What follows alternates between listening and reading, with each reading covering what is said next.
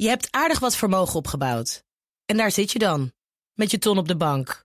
Wel een beetje saai, hè? Wil jij, als belegger, onderdeel zijn van het verleden of van de toekomst?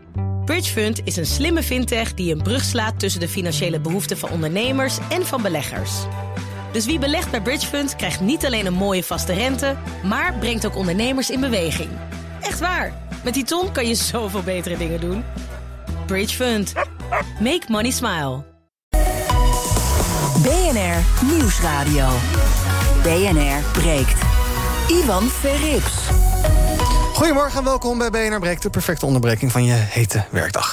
Vanaf half twaalf praat ik over de VVD en het CDA. Die willen het eh, een beetje gezellig houden en zouden geen trek hebben in die zure PvdA'ers. Over de ontmoeting tussen Joe Biden en Vladimir Poetin. En heb je straks eindelijk je vaccinatiepaspoort? Maar dan heeft eigenlijk iedereen jouw vaccinatiepaspoort. Deskundigen maken zich zorgen om de privacy. En dan mijn dagelijkse servicemededeling, geboren in 1997 en luister je naar BNR. Dan mag je nu een coronaprik gaan inplannen. Ook als je niet naar BNR luistert, maar dan hoor je dit toch niet, dus maakt niet zoveel uit. Het gaat snel deze dagen. Tarim, jij hoopt morgen uh, aan de beurt te zijn. Ik hoop vandaag, vandaag nog. Ja, ja ik uh, ben 98, dus uh, oh, aftellen. Uit 98, ja, ja. precies. Um, Tarim Ramzan hoor je, hoofdredacteur van Red Pers... en redacteur bij het Parool, die zit in mijn panel vandaag. En Rabi Safi van podcast De Belegger.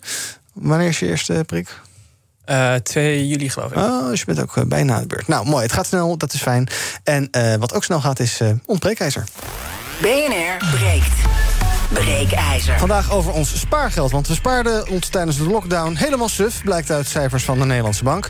42 miljard euro ging naar de spaarrekeningen, want ja, we konden niet op vakantie, we konden niet naar de Efteling. En een dagje weg met een hotelovernachting erbij werd ook ingewikkeld. Economen van de Rabobank vroegen zich af waar al dat spaargeld naartoe gaat en hielden ook een uh, enquête onder 1500 Nederlanders. En dan blijkt, ja, we hebben het dus zuinig aangedaan. En nu het allemaal weer kan, nu we weer flink de poeplap zouden kunnen trekken, doen we dat niet. Vandaar ons breekijzer vandaag. Steun de economie en geef je spaargeld uit. Jij kan meepraten door te bellen naar 020 468 4 keer 0 Ik ben benieuwd wat je met je spaargeld gaat doen. Misschien uh, uitgeven en zo ja, waaraan dan? Of verder oppotten. Of misschien nou, niet sparen, maar beleggen. Of in bitcoins investeren. Of weet ik veel wat. Ik hoor graag van je. 020 468 4 keer 0 En ons breekijzer is dus steun de economie en geef je spaargeld uit. Ga ik ook over praten met Mario van Teilingen. Die is uh, partner bij Your Financials. Goedemorgen Mario. Hallo. Ja, we hebben dus uh, flink gespaard met z'n allen. Wat zeg jij? Uh, moeten we dat surplus aan spaargeld, uh, zeg maar even het corona-spaargeld, moeten we dat nou flink gaan spenden? Of is het ook wel verstandig om nou, misschien wat extra spaargeld op te bouwen? Nou, het is denk ik een beetje een antwoord met twee gezichten. Ehm, ik denk dat Nederlanders in het algemeen nogal wars zijn van onzekerheid. En een belangrijke reden waarom we heel veel hebben opgepot, is die onzekerheid. -hmm. Die is nog niet weg. Dus het kan nog wel even duren voordat mensen serieus gaan spenden. Uh, ook al kunnen ze het. Ja, en die onzekerheid. Dus in die zin, dus in die, dus in die zin zeg ik, ik hoop met je mee. Mm -hmm. Maar ik zie het nog even niet gebeuren. Nee, en die onzekerheid heeft er dan mee te maken dat we toch echt wel even willen weten dat we niet uh, een vierde golf krijgen. En dat we niet na de zomer weer in allerlei ellende belanden zoals dat vorig jaar ging. Ja, nou ja, de onzekerheid over gezondheid voor jezelf, voor je familie, die is nog niet weg.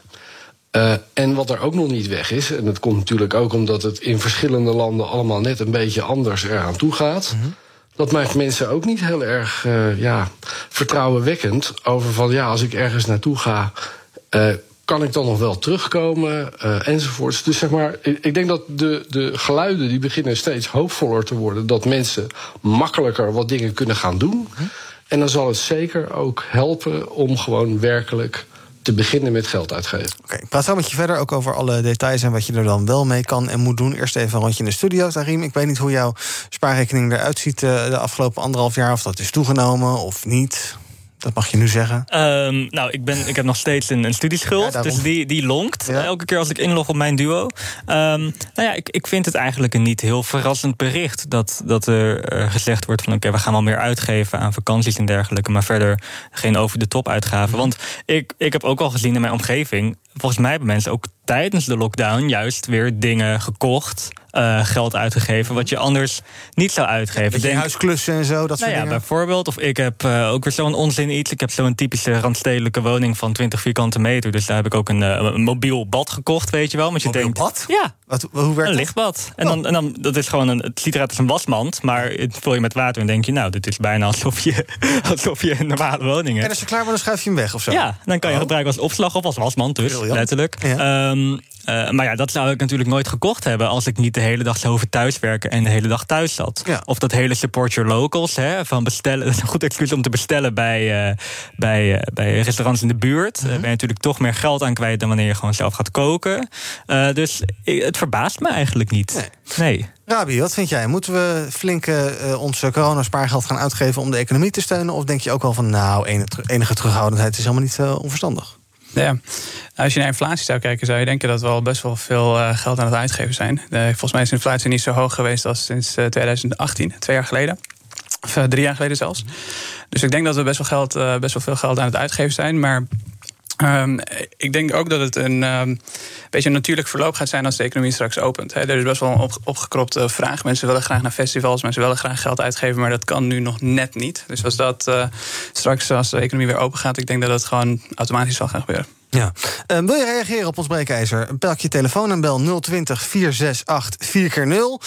Ons breekijzer is dus steun de economie. Geef je spaargeld uit. Ik zie meneer Van der Laar en meneer Dorenbos hangen. En die ga ik zo meteen aan het woord laten. Um, uh, en ja, wat, wat, denk ik ook zo is, Mario. Kijk, wij zijn dan misschien bij wijze van spreken een jaar niet uit eten geweest. Maar je gaat ook niet voor een jaar restaurants inhalen of iets dergelijks. Dus het is ook wel. Sommige dingen zou je misschien wel gaan inhalen, maar ook niet alles, denk ik. Nee, dat verwacht ik ook niet. Ehm, ik denk ook dat, uh, wat er net werd gezegd. Er is natuurlijk vreselijk veel geld uitgegeven aan, uh, aan woning. Mm uh, en aan thuiscomfort, maar ook om je thuis functioneler te maken, omdat je thuis moest werken voor die die dat inderdaad kunnen doen. maar op een gegeven moment is het natuurlijk wel klaar. Ja. Ehm, dus wat dan? En ik denk ook dat het startschot wordt denk ik vooral dat we, uh, nou vooral voor de jeugd, denk ik, uh, als de festivals weer, weer gaan starten. Want mhm. dat, dat is denk ik toch het ontmoeten. is het allerbelangrijkste, denk ik, wat we, waar, waar we zwaar tekort hebben gelopen de mhm. afgelopen jaar. En ehm, het is niet zozeer dat we zeg maar, dingen tekort komen. Nee. Dus even in het algemeen is dat. Want in datzelfde onderzoek van Rabo staat uh, ook nog iets anders interessants. En dat is dat weliswaar uh, dat spaargeld wordt verwacht uh, te gaan groeien. Maar als je kijkt naar degenen die niet zoveel hebben, die dus minder dan 3400 euro spaargeld hebben, mm -hmm. die verwachten juist die meerderheid dat ze uh, op zijn best gelijk blijven, maar vooral nog steeds aan het opeten zijn. Ja. Dus het is een beetje een verhaal van twee snelheden. De mensen die veel hebben, ja, die, daar wordt de berg groter van. En aan de andere kant is er nog steeds een berg die steeds kleiner wordt. Ja. Ik ga een paar bellers aan het woord laten. Fred van der Laar, goedemorgen. Goedemorgen, meneer. Uh, ik zou de luisteraars willen adviseren om zeer terughoudend te zijn om uh, het geld over de balk te gooien en allerlei festivals en uit eten gaan en dure reisjes. Mm -hmm. Want uh, we, we, we, staan er economisch niet zo best voor. Want kijk, het bedrijfsleven heeft nog zo'n 16 miljard uitstaan bij de belastingen en dat moet nog allemaal betaald worden. Mm -hmm. En de regering, ja, die kijkt daarnaar. Die hebben in de afgelopen maanden miljarden uitgegeven aan coronasteun. Maar dat is ons eigen geld. Ja. Dus ik adviseer de bevolking, de mensen, de luisteraars... om een beleggingsspaarrekening te openen. De grote beleggers zien dat geld dan... en die gaan dan dat geld herinvesteren in de economie. Daar hebben we veel meer aan dan naar festivals en al die dingen te gaan, dan is het weg en dan is het kwijt en dan uh, is het uh, ja, gewoon weg. Ja, nou, goede suggestie. Ik ga dat zo even bespreken, dat uh, beleggen. Want dat is natuurlijk een onderwerp dat je vaak hoort, zeker de laatste tijd. Er is ook heel veel interesse in. Dat is ook logisch als je niks op je spaargeld krijgt. Meneer Dorenbos, goedemorgen. Ja, goedemorgen, met uh, Doosje Dorenbos. Uh, ik wil even dat punt uh, zekerheid. Ik denk inderdaad dat dat terecht is. Nederland streven naar zekerheid. En mensen die dus zeg maar niet alleen hun geld besteden puur voor consumptie, maar ook voor investeringen, die weten dat er een golf aan de inflatie aankomt. Mhm. Normaal gesproken is dat, uh, is dat streven van de ECB tegenwoordig is dat 2%. Nu is het gemiddeld 2%. Mm -hmm. Je voelt dat daar naartoe gaat. geld gaat sterk ontwaarden. Ja. Het gaat ons echt gebeuren de komende jaren. Iedereen die een beetje verstand heeft van geld, die gaat dat ook beamen. Mensen zien dat en dan kun je twee dingen doen. Je kunt het onmiddellijk uitgeven. Want ja, morgen is het minder waard. Uh, maar ik denk dat heel veel mensen zeggen, ik ga het investeren. Of ik probeer het in ieder geval waarde vast te maken. En dan zie je ook dat er heel veel vlucht in vastgoed. En tegenwoordig zie je ook heel veel cryptobanken. Die worden nooit besproken op de radio. Maar dan kun je rentes van 8 tot 10 procent krijgen op je euro's. Ja. Mensen, ja, die hoeft niet per se. Dan loop je ook weer risico's hoor. Ja, ja ik wou net zeggen. Ja. Risico, ja, maar dat is modern, modern, modern money theory. No Mhm. risk, no gain. Ja, nou duidelijk. Uh, dank. Dat, uh, dat is het. En maar die, dat inflatiepunt, dat mensen, ook gewone mensen hoor, die misschien 40, 50.000 euro van de bank hebben staan, die zien dat heel goed op zich afkomen. Ja. En, die, en die weten dat wel. Ja. En de overheid, en inflatie is diefstal van de overheid, want dat gaat op dit moment ver.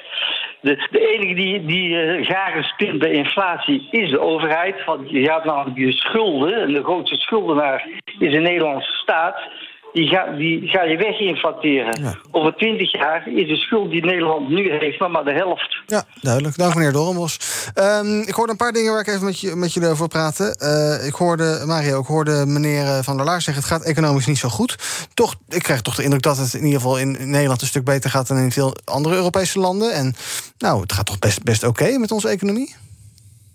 Nou, er is natuurlijk vreselijk veel geld ingepompt. Dus als je kijkt naar als dat niet was gebeurd, uh, had de economie er dan nog steeds zo florissant uitgezien? Ik denk dat het korte antwoord nee is. Mm. Dus we hebben zeg maar tijd gekocht. En om terug te gaan op het andere punt wat er net werd gemaakt, het moet natuurlijk een keer worden terugbetaald. Ja. Wat hebben we in het verleden heel vaak heel fout zien gaan, is dat na een periode van heel veel overheidsuitgaven, nou, vorig jaar was een goed voorbeeld, dit jaar zijn ze nog steeds bezig, dat er daarna meteen zware bezuinigingen volgden, met als gevolg dat ze de economie doodknepen. Nou, ik denk dat wat vorig jaar heeft laten zien, is dat uh, overheden in algemene zin wat hebben geleerd over de manier waarop het niet moet. Mm-hmm. Dus dat betekent denk ik ook dat ze een wat langere agenda hebben om een keer dat geld terug te halen, wat nu uh, in die huidige economie gestoken is. Dus ik denk dat mijn eerdere verwachting dat we een keer moesten oppassen voor uh, wanneer de overheid stopt met die portemonnee trekken. Daar ben ik ietsje minder ongerust over, omdat ik het gevoel heb dat daar toch een wat langere agenda op zit. En dan denk ik inderdaad dat. Uh, kijk, sparen levert niks op. Uh, sterker nog, je moet gaan betalen. En bij heel veel banken, als je een beetje meer hebt, uh, moet je flink gaan betalen. Mm -hmm. dan, dan is het alternatief. Wat is het beleggingsplan wat past bij de ideeën die jij hebt over hoe jouw leven er in de toekomst uit moet zien? BNR breekt. Ivan Verrips. En over dat beleggen gaan we even doorpraten. Niet voordat ik je vertel dat je luistert naar BNR Breekt. Met vandaag in mijn panel Tarim Ramjan, hoofdredacteur van Red Pers... en redacteur bij het Parool. En Rabi Safi, die is van, uh, van De Belegger. Ja, dus dan moeten we het met jou ook over beleggen gaan hebben. Ook bij Miss Maria van Teilingen van Your Financials. Die hoorde je net. En ons breekijzer is dus steun de economie en geef je spaargeld uit. Wil jij reageren, pak je telefoon, doe het nu. En bel 020 468 4 keer 0 Als je dat doet, je spaargeld uitgeven. Ook als je zegt van nou, ik hou de hand nog even op de knip. 020 468 4 keer 0 uh, Ik geloof, Rabi, dat jij een keer bij ons hebt gezegd... beleggen is het nieuwe sparen. Klopt dat? dat zou dat gewoon zomaar kunnen? Ja. ja. Um, uh, hoe moet je dat nou aanpakken als je wil gaan beleggen... als alternatief voor sparen... zonder dat je daar heel actief de hele dag mee bezig wil zijn en kan zijn? En dat je zegt van ja, wat is nou een verstandige manier om dat te doen? Ja. Nou, er zijn, uh, je kan beleggen natuurlijk zo gek maken als dat je zelf zou willen. Uh, er zijn heel veel verschillende vormen van beleggen. Uh, je kan het zo risicovol maken als dat je mm -hmm. zelf zou willen, of zo min mogelijk risico lopen als dat je zou willen. Um, maar Ik denk dat um, uh, als je simpelweg kijkt naar wat je zegt, hè, dus uh, sparen, wat de meeste mensen nu ook aan het doen zijn, en zeker tijdens COVID uh, hebben gedaan. Het enige wat je daarmee bereikt is je geld nou, in principe kwijtraken ieder jaar. Dat is 2% aan inflatie. Aan de andere kant, als je erover nadenkt, we hebben nu net gehad over uitgeven. Hè, we, hoe kan je zoveel, zoveel, mogelijk geld uitgeven om de economie te stimuleren? Um, ik denk dat heel veel mensen die mindset missen om geld te beleggen en dus te investeren in plaats van het uit te gaan geven. En ehm, dat is wel iets wat je in, uh, tijdens de COVID-pandemie uh, hebt zien veranderen. Ik geloof dat 70% meer mensen zijn gaan beleggen in, uh, in die tijd. En een heel groot gedeelte daarvan heeft het vooral via ETF's gedaan. En ETF's is een van de veiligste manieren eigenlijk om te beleggen. Um, nogmaals, geen beleggingsadvies of dergelijks. Mhm. Maar uh, dat is wel iets wat onder Nederlands heel veel wordt gedaan. Dat wordt ook als, als het nieuwe sparen gezien. Veel mensen die um, kijken naar de VS, waar een hele grote beweging van uh, FIRE aan de gang is. Dat mhm. is Financially Independent Retire Early. Dat zijn mensen die Um, uh, dusdanig zuinig leven dat ze een bedrag aan vrij besteedbaar inkomen voor zichzelf verzamelen, die ze uitgeven maandelijks, of in ieder geval investeren maandelijks in uh, de wereldeconomie als het mhm. ware. Uh, als je goed wereldwijd gespreid bent via zo'n ETF, dan kan je over de lange termijn gemiddeld genomen zo'n 8% rendement wakken. Als we kijken naar de cijfers van de afgelopen 100 jaar, is dat gewoon heel gewoonlijk. Dus dat zou een van de veiligste manieren zijn. Dat is ook wat heel veel Nederlanders zijn gaan doen mhm. sinds de corona, coronapandemie. En dat ook, ehm, ook, als je kijkt naar bijvoorbeeld kosten die je dan maakt, is dat een, is dat een verantwoorde, verantwoorde optie als je er niet heel actief mee bezig wil zijn? Ja, ja, precies. Dus als je dagelijks gaat handelen, kan je best wel veel uh, ja, transactiekosten maken. Mhm. Terwijl je bij een ETF vaak jaarlijks zo'n 0,04% kwijt bent als je, het, eh, als je de, de, juiste ETF kiest. Er zijn natuurlijk wel veel dingen waar je uit kunt kiezen. Maar om je voorbeeld te geven, alleen al als je kijkt naar de afgelopen jaar, sinds uh, laten we zeggen maart, dan ben ik wel heel selectief. Maar laten we zeggen, je bent in maart begonnen met het beleggen in de AEX. In plaats van dat je geld bent gaan uitgeven tijdens, tijdens corona. Dan is je waarschijnlijk nu al zo'n 70% rendement kunnen pakken over de, over de loop van het jaar heen. Dus um, die investeringsmindset die missen we nog in Nederland, denk ik. Maar het is wel geaccelereerd tijdens de COVID-pandemie. Ja. Mario, uh, extra geld aflossen op je huis of op je studieschuld, is dat een, een goed idee? Of ben je daarmee eigenlijk ja, geld in een soort gratis put aan het storten? Nou ja, er zijn natuurlijk mensen die hebben uh, bijvoorbeeld nog een spaarhypotheek. Mm uh, en tegen een uh, rente die uh, ten opzichte van de huidige marktrente bijvoorbeeld best hoog is. Dus stel dat je daar bijvoorbeeld 4% op betaalt. Ja, dat krijg je natuurlijk nergens. Ja. Dus als je nog ruimte hebt om te storten in die spaarpolis. Dat hangt van een hoop dingen af. Maar als dat zo is, dan ja, krijg je dat zeg maar nergens zonder, zonder risico. voor het overige gaat het er vooral om van ja, we kunnen wel aflossen op het huis. Alleen, uh, uh, wat ontstaat er dan voor een nieuwe situatie uh, later in, de, in de rit? Ja. Je, we weten met z'n allen dat zeg maar, de, de aflossen van schulden is op zich een prettige gedachte. Maar als je niet een huis hebt en 800 euro in de maand aan huur moet betalen, als mhm. dat dan wel oké is, waarom mag je dan niet dat bedrag aan rente uitgeven? Dus ik heb zelf zoiets, een beetje schuld hoeft helemaal niet bezwaarlijk te zijn. Het gaat er vooral om van hoeveel je moet blijven betalen om die schuld in stand te houden. En of je het risico dat de rente ooit een keer verandert, kan dragen. Ja. Ik ga zo naar Bart, die zie ik aan de telefoon hangen. Bart, ik kom zo bij je. Eerst nog even naar Tarim. Ik zag het, uh, dat het onderzoek ook laat zien, wat Mario net ook al zei... dat er best wel ook wel natuurlijk verschillen in Nederland zijn. Hè. Er zijn een deel van de bevolking die heel veel geld heeft extra kunnen sparen... omdat uh, ja, hun inkomen is gewoon, uh, was al fatsoenlijk, is op, is op niveau gebleven... en er vallen allerlei kosten weg. Nou, dan kan je wat extra's opzij zetten. Ja. Een andere groep die zegt juist dat ze misschien ook wel wat gespaard hebben... maar de komende tijd juist flink gaan interen op, de, op die spaartegoeden. Is dit een probleem, jouw inziens, deze deze, ongelijkheid. Het is natuurlijk een beetje een gegeven. Um, maar ja, je krijgt een soort tweedeling inderdaad. Van een men, die is er natuurlijk gewoon. Van mensen die heel veel hebben kunnen sparen. En mensen die dat misschien ook wel hebben gaan doen. Maar die er nu heel erg moeten gaan opeten. Maar er zit misschien een structureel probleem. We horen het al anderhalf jaar dat corona bestaande ongelijkheden uitvergroot. En accentueert. En dit is gewoon een andermaal een voorbeeld daarvan. Um, en het, het, is, het is heel contra-intuïtief. Eigenlijk zou je willen dat men geld uitgeeft om de economie weer op gang te brengen of op gang te houden. En inderdaad, het aandeel dat de overheid heeft geïnvesteerd in die economie om het terug te dringen en het gezonder te maken. Maar voor sommige mensen, echt op microniveau, gewoon het alledaags leven, mhm. eh, die denken daar helemaal niet aan. En die, die denken juist van: oh, uh, we horen ook de economische klap, die komt nog. Uh, nou, de vraag is in hoeverre dat het geval is. Maar je hoort ook signalen over de Delta-variant, mhm. die nu in het Verenigd Koninkrijk huishoudt. Komt die hierheen, ja of nee? Komt er een derde lockdown? Um, dus voor heel veel mensen zijn dat hele wezenlijke vragen. En. Um, en die moeten inderdaad spaargeld nu juist inleveren. Of die zijn helemaal niet bezig met, oh, ik kan nu weer op vakantie. Die hebben juist hun zaak uh, een jaar dicht moeten mhm. houden. En die hebben het net het hoofd boven water kunnen houden. Dus dat, dat is. Um, ja, ik vind dat wel een fijne relativering op de gesprekken die we bijvoorbeeld hier houden. Ja. dat dat over een deel van Nederland gaat. En het andere deel, dat is met hele andere dingen bezig. Ja, nee, zeker, want je krijgt hier dat iedereen op een enorme zak geld zit, maar dat is natuurlijk niet per se nee. zo. Bart, goedemorgen. Ja. Hallo. Goeiedag. Dag. Met, met wie spreek ik? Met Ivan van BNR. Hi, sorry. Ja, hi Bart. Zeg het eens. Hi. Ja, nou, ik uh, vind al die redenaties zijn allemaal leuker. En inflatie en deflatie. En je moet dit doen en je moet dat doen. Ja. En de gezegde bij de grote massa van de mensen is dan... het geld is niks meer waard. Mm Als je het nodig hebt, is het stervensduur. Want dan kun je het nergens krijgen. Dus als je geen geld hebt en je wil geld ergens vandaan halen, kun je het nergens krijgen. Dus dan is het toch warstend zuur, dat bedoel ik ermee.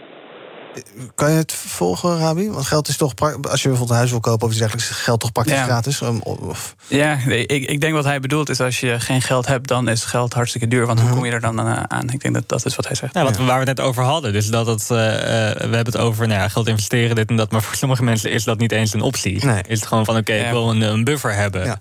Maar ik, ik, denk waar we ook eh, heel veel eh, verkeerde discussies over voeren, is dat heel veel mensen hebben het over inkomensongelijkheid. Inkomen in Nederland wordt zo zwaar belast dat je daar eigenlijk nooit rijk mee kan worden. Als je kijkt waar het probleem denk ik echt ligt, is vooral welvaart. En dat zijn mensen die bijvoorbeeld huizen bezitten, aandelen bezitten, die hebben juist veel, die zijn juist veel rijker geworden. Terwijl mensen die juist niet dat soort activa bezitten, die zijn geld kwijtgeraakt. Ik denk dat dat een groter probleem is. Het klassieke uh, verhaal van geld maakt geld. Mario, jij bent van Your Financials. Jullie geven dus eh, financieel advies. Het is misschien een beetje een rare vraag, maar is financiële planning er ook voor mensen die geen geld hebben of die heel weinig geld hebben? Of is het alleen voor mensen die heel veel geld hebben en er vanaf willen of niet weten wat ze ermee aan moeten, zoals ik? Ja, nee, uh, dat is ook beschikbaar voor mensen met een smalle beurs. Uh, het, uh, het, is niet zo dat het overal op dezelfde manier beschikbaar is. Mm -hmm. maar het bestaat. Ja. Ik doe één dag in de week span ik me in voor schuldhulpmaatje. Mm -hmm. Uh, en dus uh, maak ik op die manier maak ik financieel advies voor mensen met een heel smalle beurs ja. beschikbaar. Ja. Dus ertussen zit natuurlijk vreselijk veel. En je kunt het net zo gek maken als je zelf wil. Ja. Dus dat, dat is er. En wat heb jij in coronatijd nou gezien als het gaat om mensen die financieel het niet makkelijk hebben? Hebben die het inderdaad, hebben de, de, ja, zijn de rijken rijker geworden en de armen armer? Nou, ik denk dat dat, dat klopt wel. Ja. Wat is jouw advies? Um, als je wel wat, uh, wat, wat uh, gespaard hebt de afgelopen anderhalf jaar. Uh, inderdaad, misschien kijken naar hoe je dat kan beleggen... en het daarmee een beetje op die manier te gelden kan maken voor de economie. En inderdaad nog even afwachten tot we helemaal uit de ellende zijn?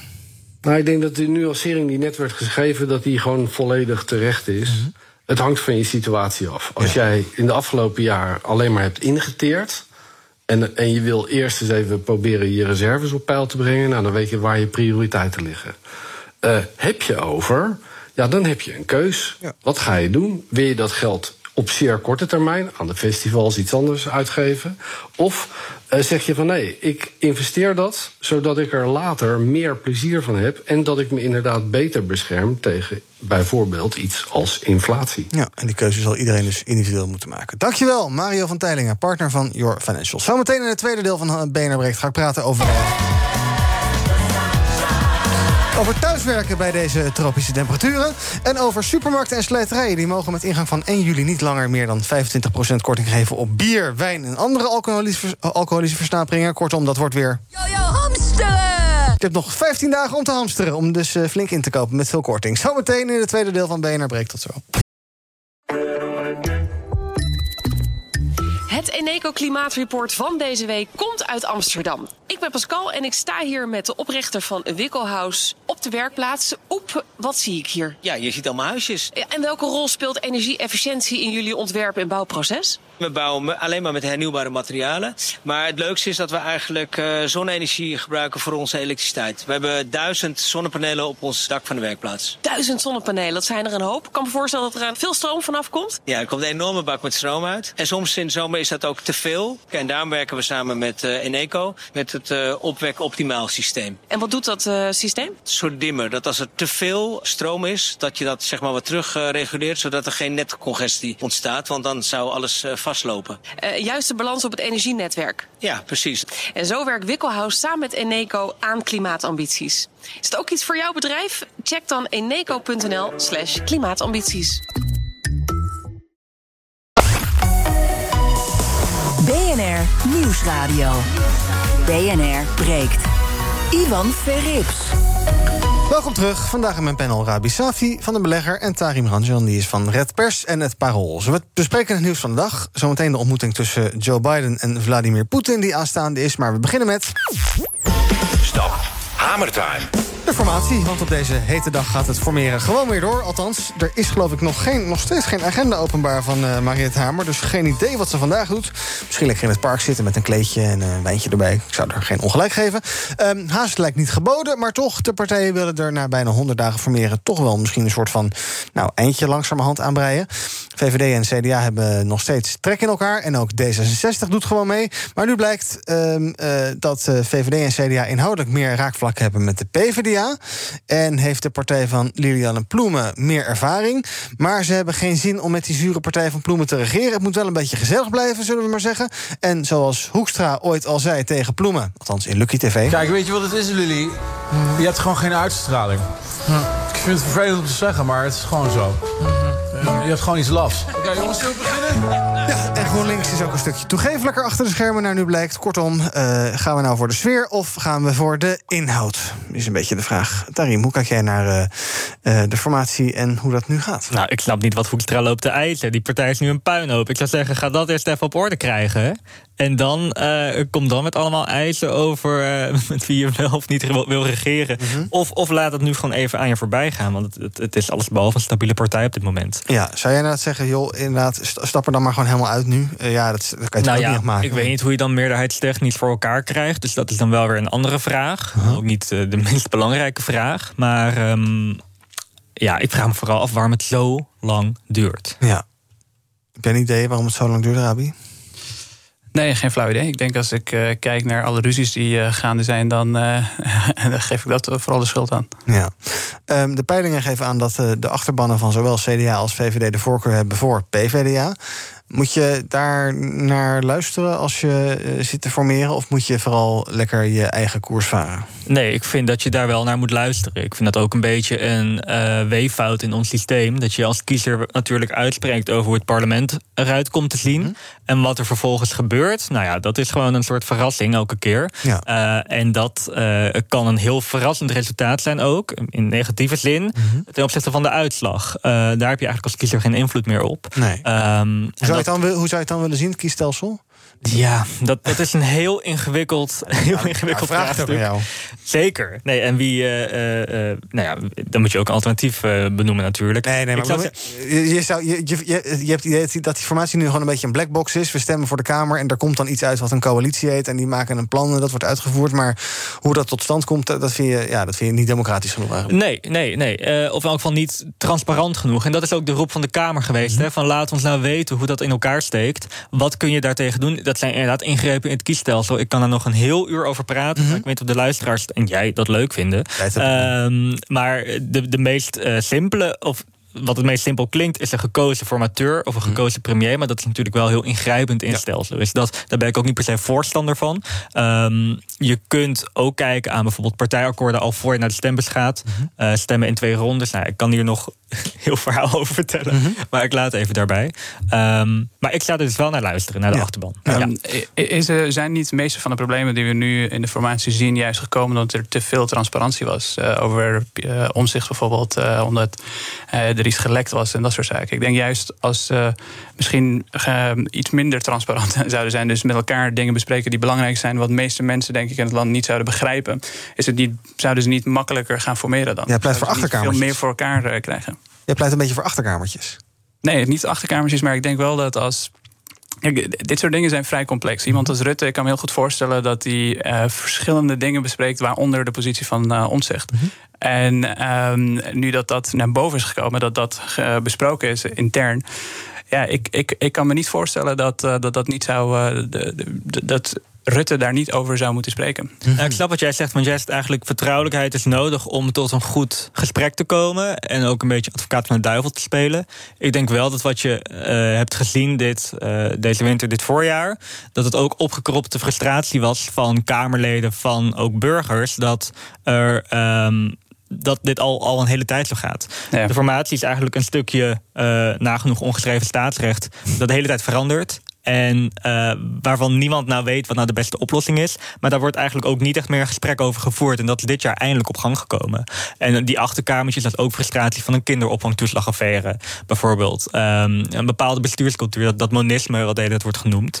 Um, dat, dat hangt allemaal met elkaar samen, denk ik. Dat daar een soort frustratie over bestaat. Um, ik denk zeker dat een bepaalde mate van vertrouwelijkheid goed is voor het gesprek. Uh, ik denk dat daarom ook de agenda van Hamer nu niet openbaar is. Ik ben ook heel benieuwd wat het doen is. In het park. Uh, lekker. Bij de Hofvijver. Ik gun daar wel. Ja, um, maar ja, het, het, dit is gewoon niet het beste alternatief. Nee, nee. En Rabi zou je dus zeggen van ja, het mag wel. Het, ja, geheimzinnig, dat klinkt dan weer alsof het allemaal complotten worden bedacht. Maar het mag wel iets geslotener.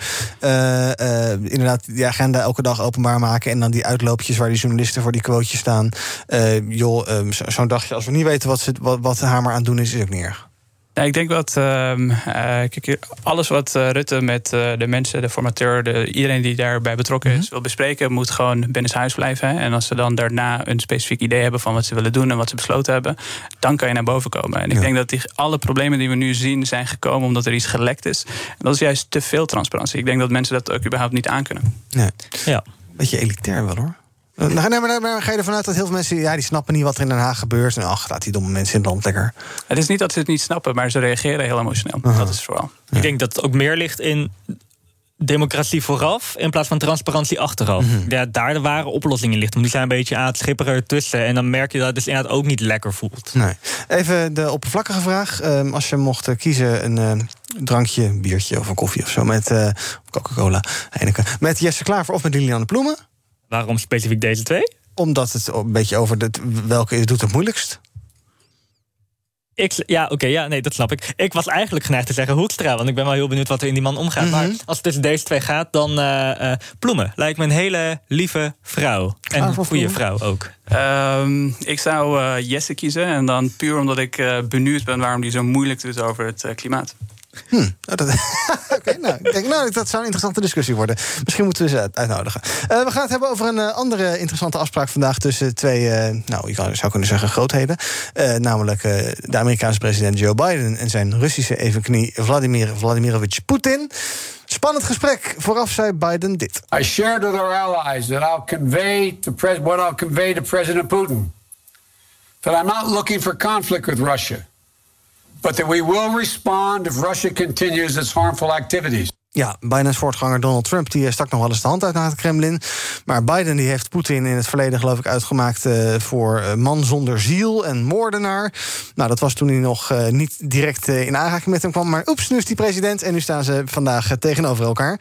Um, Poetin die trok zich daar trouwens niet zoveel van aan en zei iets als wat je zegt ben jezelf, maar dan iets uitgebreider zei hij dat. Um, Poetin en Biden, zal dat nou ooit een, zal het een gezellig gesprek worden, denken jullie? Ik denk dat best een goed gesprek kan worden. Mm -hmm. Ik, uh, wat je ziet in Biden is dat hij wel uh, de intentie heeft om te middelen. Mm -hmm. um, en dat lukt hem ook aardig, geloof ik. Het, het, het, blijft aan onze kant heel erg stil vanuit, uh, vanuit de Verenigde Staten qua nieuws. Dat, dat bevat, um, vat ik op als een goed teken na, uh, na Trump. Um, ik denk dat het een goed gesprek wordt, ook een stevig gesprek. Ik weet niet of hij nou heel. Um, echt op zijn strepen gaat staan. Mm. Dat zie ik niet meteen gebeuren. Zou je dat wel moeten doen? Zou die keihard moeten zijn als het gaat om. ik denk dat dat op dit moment nog niet handig is. Het is nu ook even de, de toestand van vier jaar Trump opruimen. Mhm. Ehm, dus ik denk dat het verstandiger is om nu even te kijken naar, oké, laten we die verhoudingen met een paar, die verhitte verhoudingen met een paar graden afkoelen. Mhm. En dan komt later wel het moment dat je, en dat moet denk ik wel, hè, met wat we natuurlijk zagen, de steun van Poetin aan Lukashenko uh, in Belarus. Ik denk dat je wel op een gegeven moment een vuist moet maken. Maar als je daar nu met een te gestrekt been ingaat, dan werkt dat averechts, denk ik. Hmm. Denk jij inderdaad ook, Rabi, dat, dat hier toch wel de zachte uh, handschoen moet worden zachte handschoen, de zachte hand moet worden gehanteerd? En, eh, want er zijn best wel onderwerpen waar je pittig over zou kunnen praten. Over cyberaanvallen, over Oost-Oekraïne, uh, dat soort zaken, over inmenging in verkiezingen. Um, maar moeten we onze verwachtingen niet te hoog zijn, denk je? Ja, eh, ik vraag me af eh, welke verwachtingen je moet hebben. Hè. Ik, eh, als je kijkt naar wat ze überhaupt met elkaar te bespreken hebben, er is in principe geen relatie tussen, tussen die twee landen. dat is er wel geweest hè, de afgelopen vier jaar. Trump die was toch denk ik wat meer, ja, die, die ging wat beter om met Poetin dan, dan Biden. Mhm. En de Democratische Partij heeft, naar mijn weten, de afgelopen tijd ontzettend zijn best gedaan om Trump ook te demoniseren en een beetje met, in de Poetinkamp te plaatsen. Dus mhm. ik ben benieuwd wat ze met elkaar te bespreken hebben. Ja. Wie er het meest bij te winnen? Denk geen van beide. Nee, het is eigenlijk een beetje een onzinnig gesprek. Ja. Ik denk misschien toch wel Poetin. Ja, want die staat er economisch natuurlijk. Uh, ja, het is een economie van niks. als je het zo bekijkt, misschien wel. Hij heeft, eh, Poetin kan, meer hebben, kan Amerika beter gebruiken dan andersom. Ja, die heeft misschien minder te verliezen uh, in wat hij eist of vraagt of zegt. Ja. Ik denk dat we Rusland uh, wel een beetje. Uh, kijk, Rusland die, die zorgt al heel lang voor zichzelf. Die heeft Europa en de VS of welk land dan ook helemaal niet nodig. En die heeft best wel grote bondgenoten met China en wat andere, uh, andere uh, landen. Uh, waar ze heel ver mee kunnen komen. Dus ik denk dat er eigenlijk ook voor Poetin vrijwel niets hier uitvalt. We blijven even in Amerika. Voordat ik, niet voordat ik heb verteld dat het jouw leuk idee is. 1998, 1 uur kun je de afspraak gaan maken. Hugo nou, de Jong heeft net getwitterd. Nou, 1 uur top. 1998. Leuk. Plan die prik is zijn hashtag, geloof ik. Ja, precies. Helemaal goed. Uh, dat kan je na de uitzending dat gelijk doen. Um, Rabi, jij wilde het daar graag over hebben, over de Amerikaanse economie. Daar gaat het goed mee. Um, herstelt sneller dan verwacht. Is hoe, hoe, komt dat? En ja. dat is natuurlijk goed nieuws, maar hoe komt dat? Ja, het gaat uh, te goed. Um, waar ik het vooral wilde hebben vandaag over is uh, de Um, uh, de Federal Reserve die heeft, uh, dat is de uh, centrale bank -hmm. in de VS, die heeft vanavond een meeting om, ik geloof half elf of iets dergelijks. -hmm. Um, over wat ze gaan doen met de rentestanden. En ook hoe inflatie uh, binnen de VS zich verder gaan zou verlopen. Want er zijn eigenlijk twee. We zitten nu een beetje een kruispunt in, uh, in de VS. Uh, aan de ene kant zijn er mensen die roepen: inflatie die is tijdelijk. Waaronder -hmm. dus de Federal Reserve zelf en heel veel analisten die denken dat ook. Um, die zeggen inflatie is tijdelijk. En de inflatie die we nu hebben gezien, ongeveer 5% afgelopen kwartaal. Um, dat dat niet iets is wat we de komende kwartalen ook gaan zien. Mhm. Ehm, aan de andere kant zijn er mensen die zeggen: um, dit is blijvende inflatie. Eh, de Federal Reserve heeft zoveel geld bijgeprint om de economie te stimuleren, om te zorgen dat mensen wat meer geld in hun zakken hebben. Volgens mij hebben uh, de Amerikanen duizenden uh, dollars maandelijks, zowel tijdens de COVID-pandemie, in een bankrekening gehad. en die zeggen: nou, inflatie is niet tijdelijk. We zien dat inflatie waarschijnlijk nog wel een jaar of twee, drie gaat duren. En daarmee Um, uh, zetten ze de vet onder druk. En mhm. straks, uh, wanneer die meeting is geweest, weten we veel meer over wat er daadwerkelijk aan de hand is. Want de Fed die moet eigenlijk met een besluit komen van laten we de rente zoals het nu is. Mm -hmm. staan we pal achter wat we hebben gezegd dat inflatie tijdelijk is, of gaan we het uh, verhogen? En als dat tweede het geval is, dan kunnen ze heel nerveus overkomen en kan het debat omkeren naar blijvende inflatie voor de komende jaren. En dat, dat zou wel desastreus zijn, denk ik, voor uh, meeste uh, Amerikanen, maar ook meeste Nederlanders die een groot gedeelte van hun vermogen in de VS hebben gestopt, zoals ik bijvoorbeeld. Ja, dus ja, precies. Dus jij maakt je er wel zorgen om? Om die bijkomst vanavond. Die gaat wel de, de nieuwsfeed volgen, denk ik. Ja, en zorgen niet per se. Ik vind het gewoon vooral heel interessant en spannend om te volgen. Om te zien wat er gaat gebeuren. Kijk, als je korte termijn handel doet. En soms doe ik dat ook wel eens. Dan is het interessant om dit soort dingen te volgen.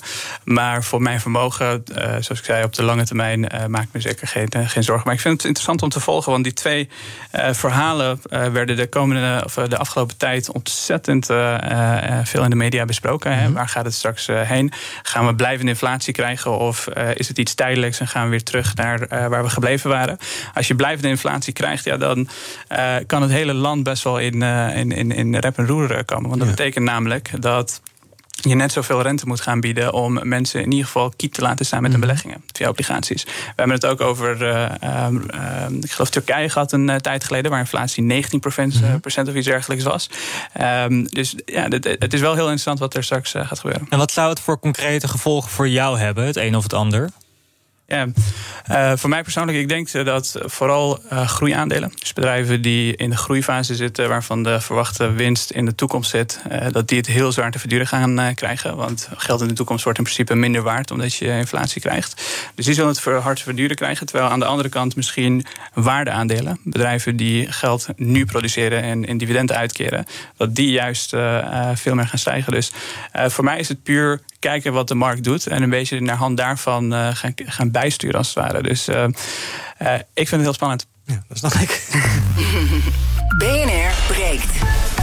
Nou, zometeen uh, vanaf 12 uur veel meer economisch gerelateerd nieuws en gasten bij Thomas van Zel van Zaken doen. Wat ja, zeker. Uh, je allemaal? Nou ja, Kees de Kort over de vet. Nee, oh, misschien dat ik dat wel een dagje uitstel, want het besluit komt inderdaad mhm. nog. Uh, nee, onze eerste gast is Henk Kummeling. Hij is director magnificus van de Universiteit in Utrecht. En heeft natuurlijk gezien dat corona wel zijn sporen heeft nagelaten op de manier waarop er onderwijs werd gegeven. Toename van het aantal studenten. De bekostiging van studeren staat natuurlijk ter discussie. Leenstelsel, geen leenstelsel. Komt er een miljard bij of toch niet? Uh, daarover gaan we het hebben. Het lobbypanel is te gast. Onder andere over een branche die voor het eerst in 20 jaar dreigt te gaan staken. De kinderopvang. Wat kun je zeggen over de timing? Er zullen mensen zijn die eh, toch kunnen beweren dat ouders de afgelopen tijd al voldoende kind in en aan huis hebben gehad. Dus hoe verspil je nou niet je krediet uh, bij het grotere publiek? Daar gaan we het over hebben. En de directeur van New School Media, een uitgever, is te gast. En die hebben iets bijzonders gepresteerd. Ze hebben namelijk meer winst geboekt. Ook in het afgelopen corona jaar En uh, uitgevers, als je kijkt naar Audax bijvoorbeeld of Hearst... dan zie je dat ze daar flink moeten ingrijpen om het allemaal draaiende te houden. Dus hoe krijg je het voor elkaar om toch met winst dat jaar af te sluiten? Dat en meer in BNR Zaken We kunnen ook wat leren dus vandaag. Heel benieuwd. Zeker. Vanaf 12 uur op deze zender. BNR breekt. Met Rabi Safi, also known as De Belegger. Vindt hem op Instagram onder andere. En uh, Tarim Ramjan van Red Pers en het Parool. Die zitten in mijn panel vandaag. Um, we gaan het nog even kort hebben over het digitale vaccinatiepaspoort. Dat zou ergens vanaf 1 juli moeten gaan werken. Daar wordt koortsachtig aan gewerkt. Maar dat zorgt ook voor grote privacyrisico's, zeggen privacydeskundigen en de stichting Privacy First tegen BNR. Luister even mee naar Peter Kager. Hij is directeur van ICT-recht. Een adviesbureau gespecialiseerd in privacyrecht. En hij schetst enkele gevaren in zeven seconden. Het grootste gevaar zit uh, bij dit soort projecten vaak dat andere mensen dit kunnen misbruiken. Dat ze toegang kunnen krijgen tot de gegevens. Uh, terwijl dat niet de bedoeling is. Ja, dat zijn dus tegenvaren. Uh, is dit nou een uh, gevalletje haastige spoed? Hè? Als je een prik krijgt, dan word je gevraagd van... goh, vind je het goed om je gegevens in de database van het RIVM op te slaan? Nou, we weten inmiddels dat GGD's databases ook geen briljante combinatie is. Is dit iets waar jullie zorgen over maken? Dat, je, um, dat we natuurlijk proberen die gezondheidssituatie goed te krijgen... dat we willen dat iedereen weer op reis gaat... maar dat er binnenkort dan blijkt dat er een database bij de RIVM lekt... en dat alle shit van iedereen op straat ligt. Rabi. Ja. ja, dat is zeker iets om je zorgen over te maken. Ja, als je kijkt naar de, uh, hoeveel mensen daar überhaupt op een verkeerde manier gebruik van zouden kunnen maken. We hebben het even gehad over de heksen in Rusland uh, en allerlei. Uh, ja, volgens mij is China ook massaal dingen aan het hacken hier in Europa. Ja, ik denk dat je jezelf als land heel kwetsbaar opstelt als je dat niet goed regelt. Nee. Maak jij er zorgen om, Tarim? Of zeg je, joh, ja, weet je, je hebt het toch niet echt keuze. dan maar weer lekker reizen vanaf 1 juli en we zien dan weer wie dan leeft. Ik maak me niet meer zorgen over dan de generieke zorg over beveiliging bij de mhm. overheid. Want het maakt mij niet zoveel uit of men ziet of ik uh, een vaccinatie heb gehad en welk vaccin. Mm Het wordt natuurlijk een ander verhaal als je BSN op straat ligt. Ja. Um, ja. Maar ja, dat kan ook in andere systemen het geval zijn. Ja. Hebben jullie het uh, gele vaccinatieboekje, het gele boekje? Nee, want dat ding is volgens mij niet uh, uh, geldig om mee te reizen. Dus dan denk ja, ik, ja, sommige landen accepteren meer wel, andere ja, niet. Ja, voor, voor mijn vakantie in elk geval niet. Nee. Denk ik, ja. Waar zou je, kijk, analoog eh, is misschien wat veiliger, want dan staat het in jouw boekje, dan staat het niet in een centrale database bij de overheid. Is dat iets waarvan je denkt van, nou, daar ben ik nog wel gevoelig voor? Of denk je, ja, we moeten mee met de vaart der volkeren en dingen in boekjes, dat gaat hem niet meer worden nu? Ik, uh, nee, ik sta positief tegenover die database. Ook al gaat dat ook mis met registreren, geloof Mhm. ik. Want Ja, er zijn mensen bij wie twee weken. Ja, precies. Ja. Dus ik, ik, ik vind het al een beetje traag. Ja. Ja. Boekje of app, Rabi? Eh, ik zou zeggen app, maar wel dat de cybersecurity daarvan gewoon heel goed geregeld is. We gaan even kijken wat de trending is op de socials. Onder andere hashtag CDA zelfmoord is eh, hip en happening... naar aanleiding van een stuk van Sibinia. Ja. Hashtag Eneco doet het goed. De energiereus valt in 2025 van alle gaskachels af. Online reuring van klanten die zeggen... joh, dat bepaal ik zelf wel. Hashtag trots van het noorden, want hoera, FC Groningen bestaat 50 jaar. En Plan de Prik is natuurlijk ook trending. Sinds vanochtend 10 uur mag iedereen geboren in 1997 zich aanmelden voor een prik. En dus vanaf 1 uur 1998. En daar is Tarim Ranjan heel erg blij mee. Ga je bellen, bellen of naar de site? Nou, eerst een afspraak maken op de site en dan bellen om te kijken of het eerder kan. Oh ja, je gaat de boel weer proberen te traineren. Goed. Ook trending is hashtag hitteprotocol in de top 10 te vinden. Ehm, eh, je kan toch ook even afwachten. Hè? Dan ben je pas eind, eh, eind deze maand aan de beurt of begin juli. Ja, maar kijk, als het kan, is het toch niet erg? Ja, dat is waar. Moet je gewoon bellen. Hitteprotocol dus. Eh, het is een eh, warme dag. Even kijken, hier in Amsterdam op dit moment eh, graad of 26. Maar het wordt wel graad of eh 8, 29. Maar in andere delen van het land nog veel warmer. Even een paar tips als een soort service. Hè, voor als je niet in een airco-studio zit. Hou de zon buiten door de gordijnen dicht te houden. Het is wel een beetje creepy als je in een donker huis zit. Maar goed, hou de ramen dicht, zodat de warme lucht niet naar binnen komt. En zet zoveel mogelijk apparaten in je huis uit. Dus niet op standby, maar echt uit. Je weet wel, echt uit, uit, uit. En dat zorgt ook voor dat je minder energie verbruikt. En dan nog wat tips tegen het verbranden van het RIVM. Ik dacht dat het RIVM alleen maar dingen met corona deed, maar blijkbaar doen ze meer. Blijf tussen 12 uur vanmiddag en 3 uur vanmiddag zoveel mogelijk uit de zon. Draag UV-werende kleding. Geen idee wat dat is, waarschijnlijk heel lelijk. Een zonnebril of hoed of pet. En smeer je regelmatig in. Met zonnebrand uiteraard. Werken jullie vandaag thuis? Of zoeken jullie eh, de koelte op? Of misschien toch lekker tegen het RIVM in? Lekker naar het strand. Kun je uitschelen?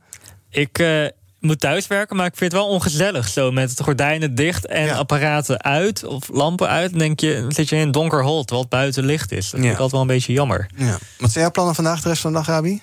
Eh, ik heb deze week vrij. Dus eh, gewoon lekker sporten, boekjes lezen, dat soort dingen. Eh, maar ik werk over het algemeen gewoon ook ja, gewoon thuis. Ja. En eh, wat doe je dan om in huis, als het heel erg warm is, om daar een beetje ook verkoeld te blijven? Heel veel ijsjes eten, wat ik zelf ga. Ja, ik, ik heb er niet zo heel veel last van, omdat ik een beetje in de. eh, ja, ik, ik heb geen direct zon wat in mijn huis eh, schijnt, helaas. Wat in een kelder. Ja, eigenlijk wel. Ja, zo oké. voelt het wel. Ja, het is op zich ook een goede tip. Koop een kelder, ja, daar kan je ook gaan zitten.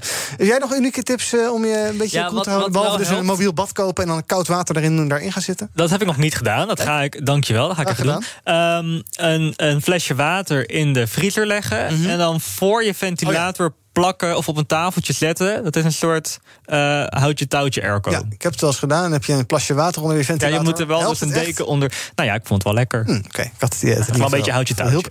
Ehm, altijd lekker in de hitte is dan een biertje of iets dergelijks. Maar wat blijkt, vanaf 1 juli eh, gaat er een nieuwe wet in... die eh, ervoor zorgt dat alcohol voor nog maar maximaal 25% in de aanbieding mag. Dus twee halen, één betalen mag dan niet meer. Ehm, is, dat, is dat een beetje betuttelend? Of is dat wel goed dat we alcoholgebruik toch een beetje ontmoedigen? En daar... Nou, ik, ik, het maakt voor mij netto geen effect. Ik denk bijna van nou. ehm, Stel je bent toch voornemens om maar één krasje te kopen, dan Mhm. is het eigenlijk voordeliger. Want dan heb je ook korting, zeg maar. In plaats van dat je er niet twee koopt. Ja. Ik, ik vind het een beetje, kan nog wel raken. Ja, dan kijken we nog even naar onze economische deskundige. Ehm, geen twee halen, één betalen meer op eh, alcohol. Is dat een eh, enorme aderlating voor ons allemaal? Eh, ja, ik denk dat mensen dat een beetje zelf moeten bepalen. Heel goed antwoord, diplomatiek. Ik geloof dat happy hours nog steeds wel mogen. Er was ook sprake van dat dat niet meer mocht in de kroeg, maar dat mag dus wel. Goed, tot zover. Eh, dank eh, voor jullie aanwezigheid vandaag bij BNR Breekt. Succes in de hitte zometeen als je weer naar buiten bent. Succes om één uur met het plannen van je prik. Ik ben Dank. benieuwd wanneer, het, wanneer je terecht kan. Rabi Safi, bekend als eh, de belegger, onder andere op Instagram. En ook Tarim Ramjan van Red Pers en Het Parool. Morgen dan eh, ben ik er weer. Dan is het weer een warme dag. En eh, tot die tijd kan je ons volgen op eh, socials. Op Twitter, Instagram, YouTube natuurlijk bnr.nl. Nog steeds niet op TikTok. Zometeen over een paar minuutjes. Dat is over een minuut of eh, even tellen hoor. 3 plus 2 plus 2. Nou, een minuut of 7 of zo. Begint eh, Thomas van Zel met zaken doen. Tot morgen. De toekomst roept. Minder CO2. Lies je mee? Dit is het moment om te kiezen voor de Tesla Model 3, Toyota Pro-Ace Electric of Volkswagen ID3. Uitstoot verminderen doe je samen met mobilityservice.nl.